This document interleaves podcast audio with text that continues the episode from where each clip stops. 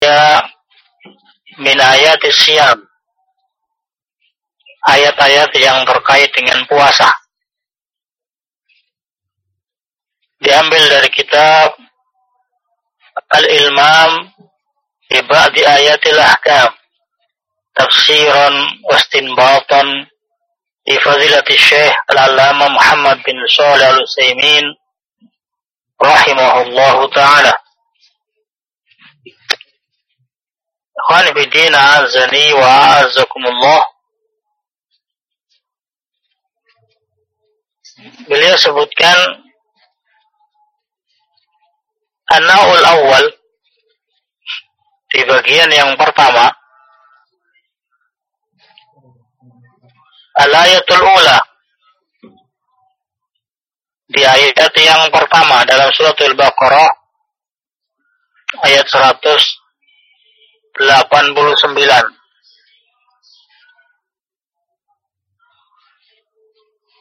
Sebelum kita membahas tentang tafsirul kalimat beliau rahimahullah menyebutkan tentang definisi asyam. Asyamu fil lughah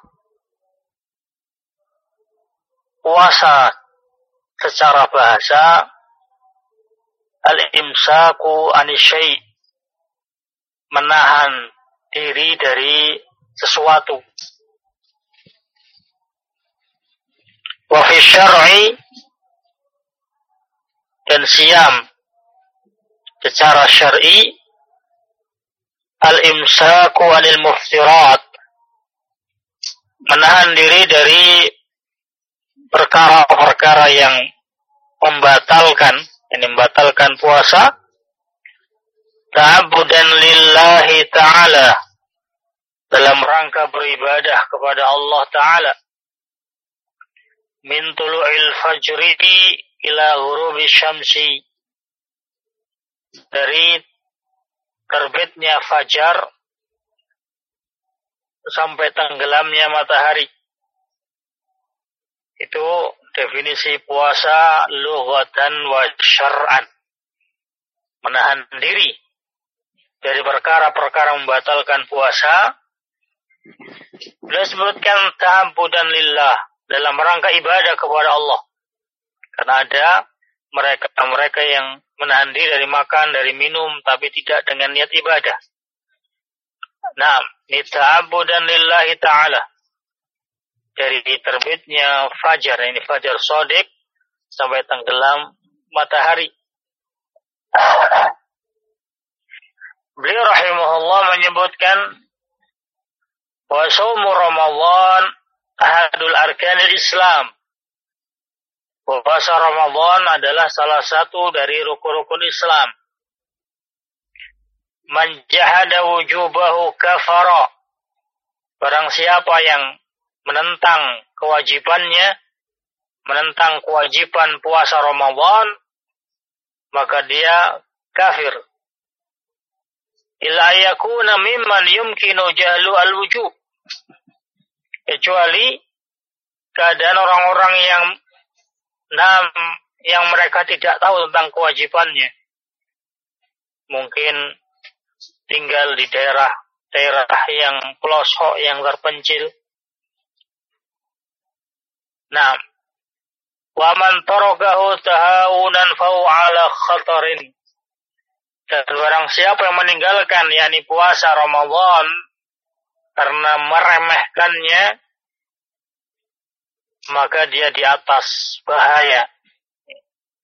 Yang meninggalkan puasa Ramadan menganggap ringan, menyepelekan, maka dia di atas bahaya.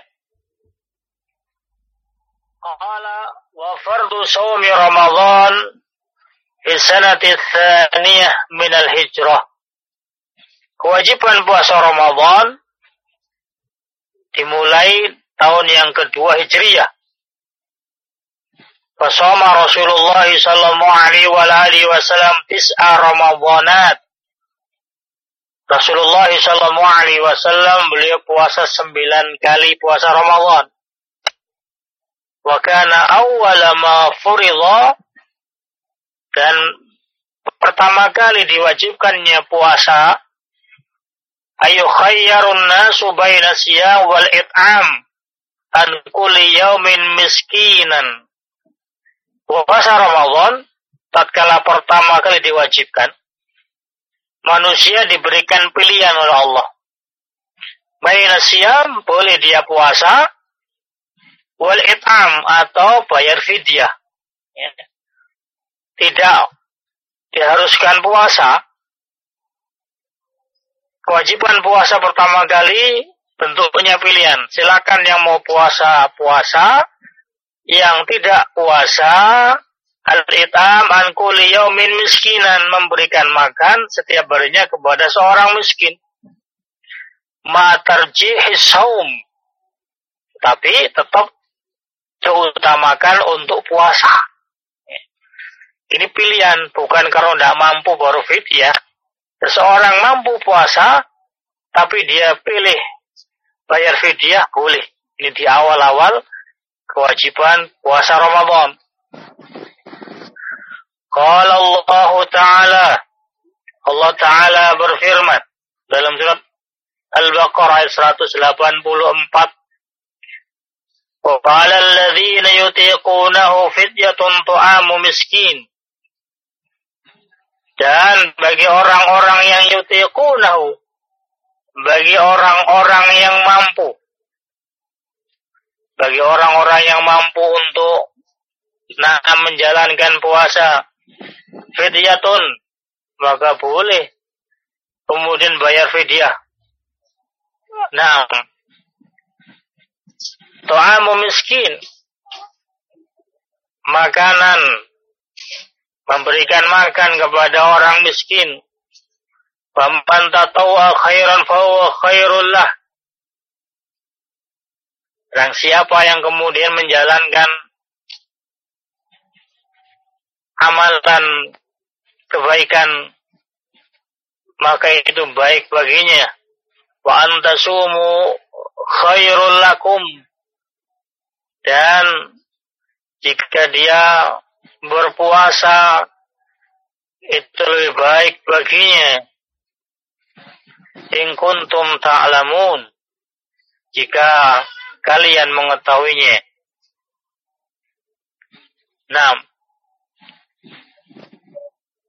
ini dalil bahwasanya awal puasa Ramadan saya diberikan pilihan boleh puasa atau boleh bayar fidyah meskipun dalam keadaan mampu.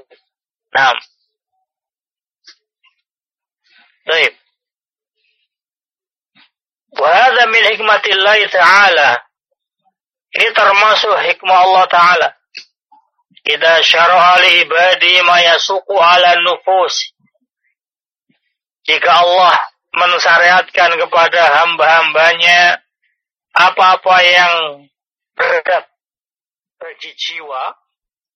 Jika Allah membebankan sebuah perintah, sebuah syariat kepada hamba-hambanya, jika perintah itu terasa berat, mahadalau Allah mudahkan untuknya bisyar'in ma yuhayyi'un nufusa dengan syariat apa-apa yang bisa meringankan jiwa dikabulihi agar bisa menerima syariat itu. Wa yahwinuhu 'alaiha sehingga dia terasa ringan. Summa ahkamahu kemudian baru dikuatkan. Nah Baik. Fa'inna nubusa lamma tahayyat liqabuli saum Sesungguhnya jiwa tatkala telah siap untuk menerima puasa, faradallahu ta'ala ainan walam yaj'al fi hiyaran. Tatkala jiwa-jiwa hamba Allah itu sudah kuat, sudah siap untuk menjalankan puasa, maka Allah wajibkan puasa dan tidak diberikan pilihan. Jadi awal pertama kali kewajiban puasa boleh milih kaum muslimin yang mau puasa silakan, yang tidak mau puasa bayar fidyah, boleh. Meskipun dia kuat untuk puasa. Tapi dia tekankan untuk puasa. Wa antasumu khairul lakum.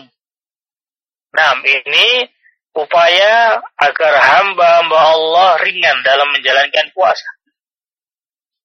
Tetapi tatkala kemudian sudah kuat, sudah terbiasa untuk menjalankan puasa, maka Allah Subhanahu wa taala tidak berikan pilihan.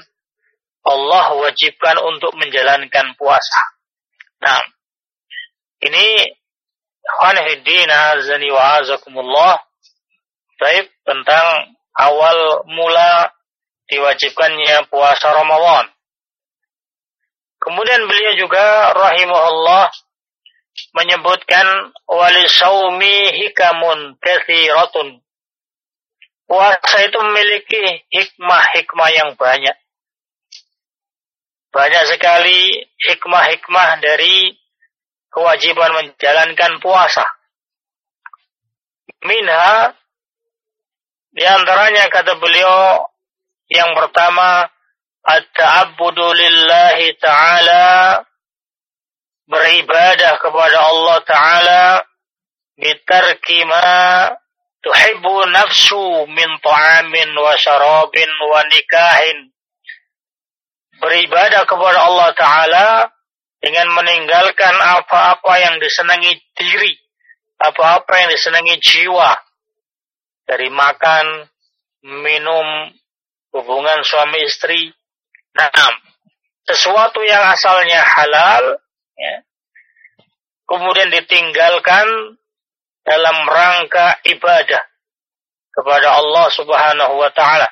Sesuatu yang disenangi oleh jiwa-jiwa manusia kemudian ditinggalkan karena Allah. Nah, ini termasuk bentuk ibadah. Karena macam ibadah itu ada yang menyerahkan apa yang dia cintai, senangi, misalnya zakat, kok. Ada pula bentuk ibadah itu menahan diri dari apa-apa yang dia senangi, misalnya puasa. Nah, ini model dan bentuk-bentuk ibadah. Karena mungkin ada sebagian hamba-hamba Allah yang begitu mudah untuk menyerahkan apa-apa yang dia senangi gampang sodako, gampang zakat, infak dan yang semisalnya, tapi berat untuk menahan diri, nah tidak menjalankan apa-apa yang dia senangi. Ada pula yang sebaliknya. Ada sebagian hamba-hamba Allah yang begitu ringan, begitu mudah untuk menahan diri dari menjalankan apa-apa yang dia senangi tapi susah untuk memberikan apa-apa yang dia cintai kepada orang lain. Nah, baik. Kemudian hikmah yang kedua.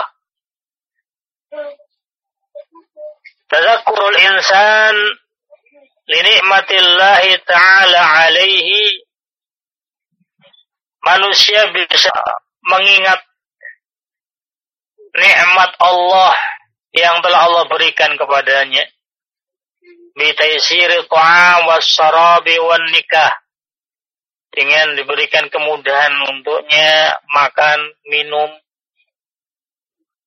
dan juga nikah. Fa innahu idza dzaqa ala mafaqtiha hala saumi karena jika dia merasakan enam susahnya atau sakitnya kehilangan itu, kehilangan nikmat itu, tatkala dalam keadaan puasa, ya, tidak boleh makan, tidak boleh minum, tidak boleh hubungan suami istri. Nah, zakara nikmatallahi alaihi biwujudiha wa taysiriya lahu hal fitri. Maka dia akan ingat nikmat Allah atasnya tatkala adanya nikmat itu dan mudahnya dia mendapatkannya tatkala sedang tidak puasa. Ini hikmah. Sehingga ingin menjalankan puasa seseorang seorang hamba Allah akan mengingat betapa besarnya nikmat Allah kepadanya. Nah, selama ini dia bebas makan, dia bebas minum, dia bebas menjalankan hubungan suami istri. Itu semuanya nikmat Allah yang kadang-kadang lupa seorang untuk mensyukurinya. Tapi tatkala dia dilarang untuk menjalankannya, baru dia teringat begitu besarnya nikmat Allah yang telah dia dapatkan. Kemudian yang ketiga dari hikmah puasa, husulul ajril azim bidzalika. Mendapatkan pahala yang besar atas hal itu. Fa Ta'ala ikhtassa sawma li nafsih. Karena sungguhnya Allah Ta'ala menghususkan puasa itu untuk dirinya. Wa ja'ala jazauhu ilaih. Dan menjadikan balasannya kepadanya puasa ini ibadah yang istimewa. Nah, seluruh amalan hamba-hamba Allah untuk hamba-hamba Allah. Kata Allah, illa saum fa innahu li. Kecuali puasa, dia itu untukku. Sehingga pahala dari puasa ini tidak bisa untuk dijadikan kafaroh tatkala seorang hamba memiliki kesalahan kepada hamba Allah yang belum sempat naam dimaafkan tatkala di dunia.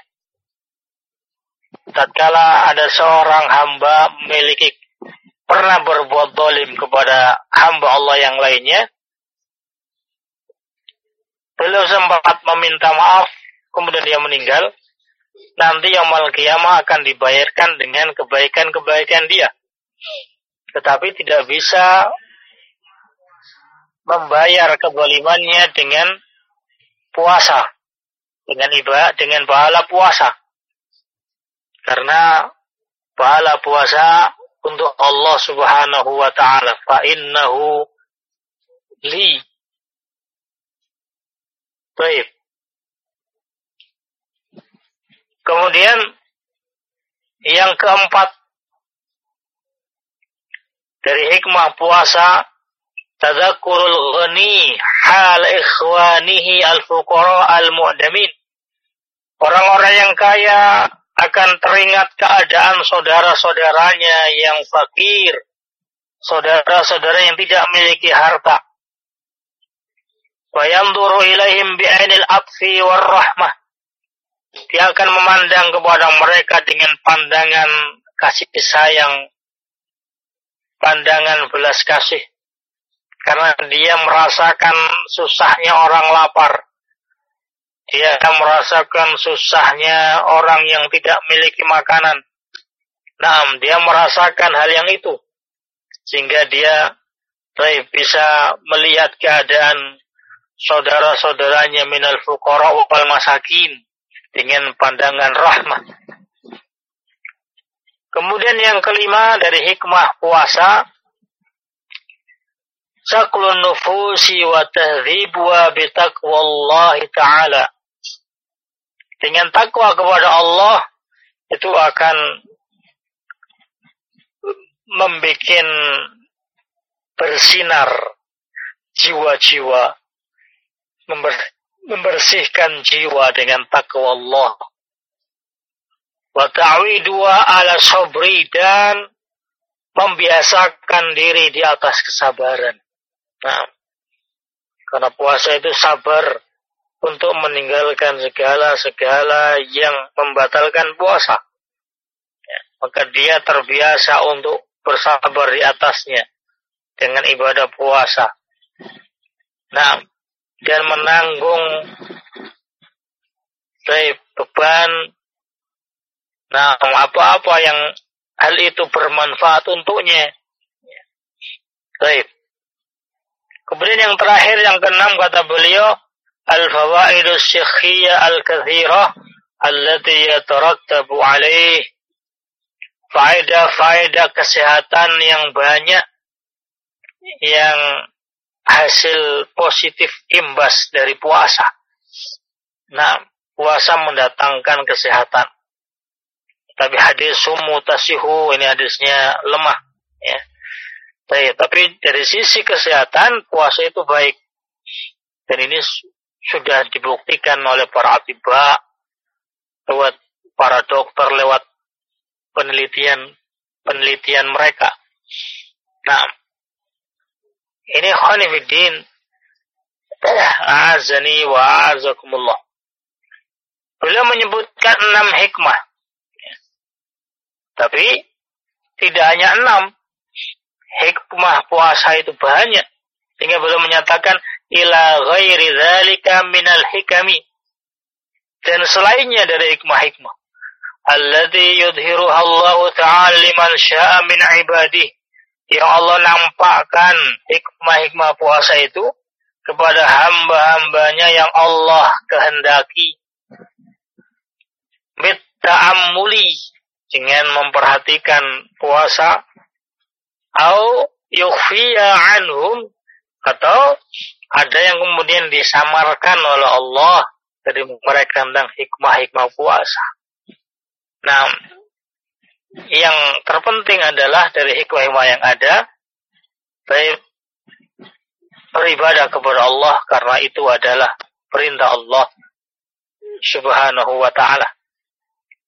Khanifiddin azani wa azakumullah. Nah, di ayat yang nanti akan kita baca, awal awal, nah, ini terkait dengan fardu siam, kewajiban puasa, waktuhu, kapan waktunya puasa itu, kapan diawali puasa, wa'alaman yajib, dan siapa yang wajib untuk menjalankan puasa. Nah, ini yang akan dibahas dalam Anaul Awal. Baik. Kemudian beliau sebutkan rahimahullah ayat yang pertama dalam suratul Baqarah ayat 189. Qala Allah Ta'ala yas'alunaka 'anil ahillah. Mereka bertanya kepadamu kepada Rasulullah tentang hilal. Kul katakan ya mawaqitu linnas wal hajj. Hilal itu adalah waktu-waktu untuk manusia dan untuk haji. Walaisal birru bi an buyuta min tuhuriha. Dan bukan termasuk kebaikan kamu datangi rumah-rumah min duhuria dari atasnya walakinnal birra man tetapi kebaikan itu nam orang yang bertakwa Wa'tul buyuta min abwabiha datangi rumah-rumah itu dari pintu-pintunya Wattaqullah la'allakum tuflihun. Bertakwalah kalian kepada Allah. Mudah-mudahan kalian termasuk orang yang beruntung. Baik. Beliau rahimahullah menyebutkan tafsirul kalimat. Yas'alunaka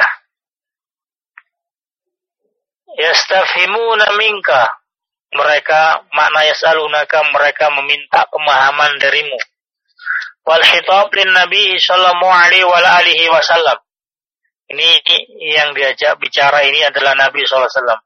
Wasailun as-sahabatu radhiyallahu anhum bertanya adalah para sahabat radhiyallahu anhum ajmain. Yang ditanya Rasulullah, yang bertanya adalah para sahabat. Anil ahillah berkait tentang apa? Tentang hilal. Anil hikmah minha tentang hikmah hilal wa min taghayyuriha dan hikmahnya berubah-ubahnya bentuknya hilal ya. Ahillah itu jamak dari hilal. Hilal adalah al-qamaru khina yabdu awwala syahrin ila thalathi layalin minhu disebut hilal itu bulan yang nampak di awal bulan sampai malam yang ketiga itu disebut hilal.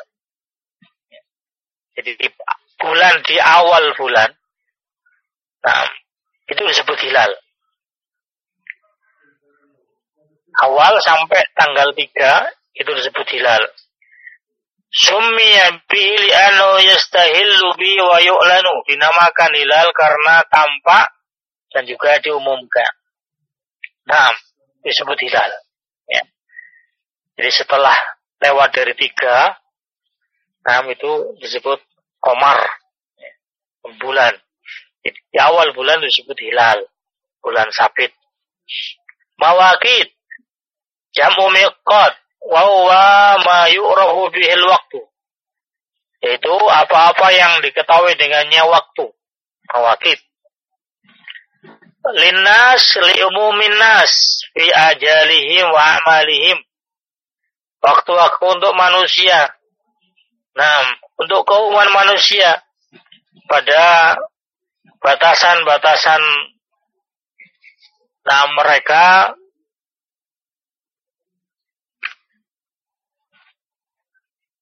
dan juga dari amalan-amalan mereka. Wal hajj ma'tufun ala linnas. Wal hajj ini atofnya kepada linnas ay mawaqitu lil hajj. Waktu-waktu haji. Hilal itu untuk menentukan waktu-waktu haji. Wal hajju qasdu Makkah. Haji adalah menuju Makkah li amalil manasik untuk menjalankan manasik fi zamanin mahsusin di waktu yang telah dikhususkan. Albir al-khairu awil amalul mardiyu. Albir adalah kebaikan atau amalan yang diridhoi. Itu makna albir. Ta'tu tadkhulu. Makna ta'tu adalah masuk. Min tuhuriya min judraniha al-khalfiyah. Nah, tadi disebutkan Walisal bir bukan termasuk kebaikan bi antatul buyuta kalian mendatangi, kalian masuk rumah-rumah min dari rumah duhur min judronia dari tembok-tembok belakang. Bi antusawaruha dengan kalian menaiki tembok belakang, autan kubufia atau kalian lubangi tembok belakang rumah itu. Itu bukan termasuk amalan baik. Nah, baik. Manittaqa makna manittaqa. Manittaqa wiqayatan min azabillah. Orang yang mengambil wiqayah, tameng dari azab Allah. Wa fa'ala ma bihi. Lalu dia menjalankan apa yang Allah perintahkan dengannya. Wa taraka anhu. Dan meninggalkan apa yang Allah larang darinya. Waktu udkhulu. Dan masuklah masuklah tadi disebutkan waktul buyuta min masuklah rumah-rumah dari pintu-pintunya. Enam wattaqullah. Ittakhadhu wiqayatan min azabih. Jadikan wiqayah tameng dari azabnya. Pema amarakum bihi. Maka jalankanlah apa-apa yang Allah perintahkan kalian dengannya. Watruku mana anu dan tinggalkanlah apa-apa yang Allah larang darinya la'allakum la'ala lithalil aili ajal. Agar ya, tuflihun tafuzuna bil mahbubi wan najati minal makruh. Agar kalian beruntung dengan al mahbub nah, seorang dinyatakan beruntung, mendapatkan keuntungan, tatkala dia mendapatkan al-mahbub, mendapatkan apa yang dia inginkan, mendapatkan apa yang dia cintai, wan najat makruh dan dia selamat dari apa yang tidak dia senangi. Maka itu disebut orang yang beruntung. Mendapatkan apa yang dia inginkan, apa yang dia cintai, dan terhindar dari apa yang dia tidak senangi. Maka itu disebut al-muflihun. Orang-orang yang beruntung. Nah, Khanifidina zani wa azakumullah. Baik ini tafsir kalimat. Tafsir perkata. Nah, dari ayat ini. Nah, insyaallah taala kita akan melanjutkan al-ma'na al-ijmali ya. Makna global dari ayat ini dalam pertemuan berikutnya. Baik di nanti sore insyaallah sementara ini jadwal pagi dan sore tetap kita melanjutkan tafsir ayatul ahkam insyaallah taala. Baik. Wallahu a'lam bishawab wa sallallahu ala Muhammadin wa ala alihi wa sahbihi wa sallam.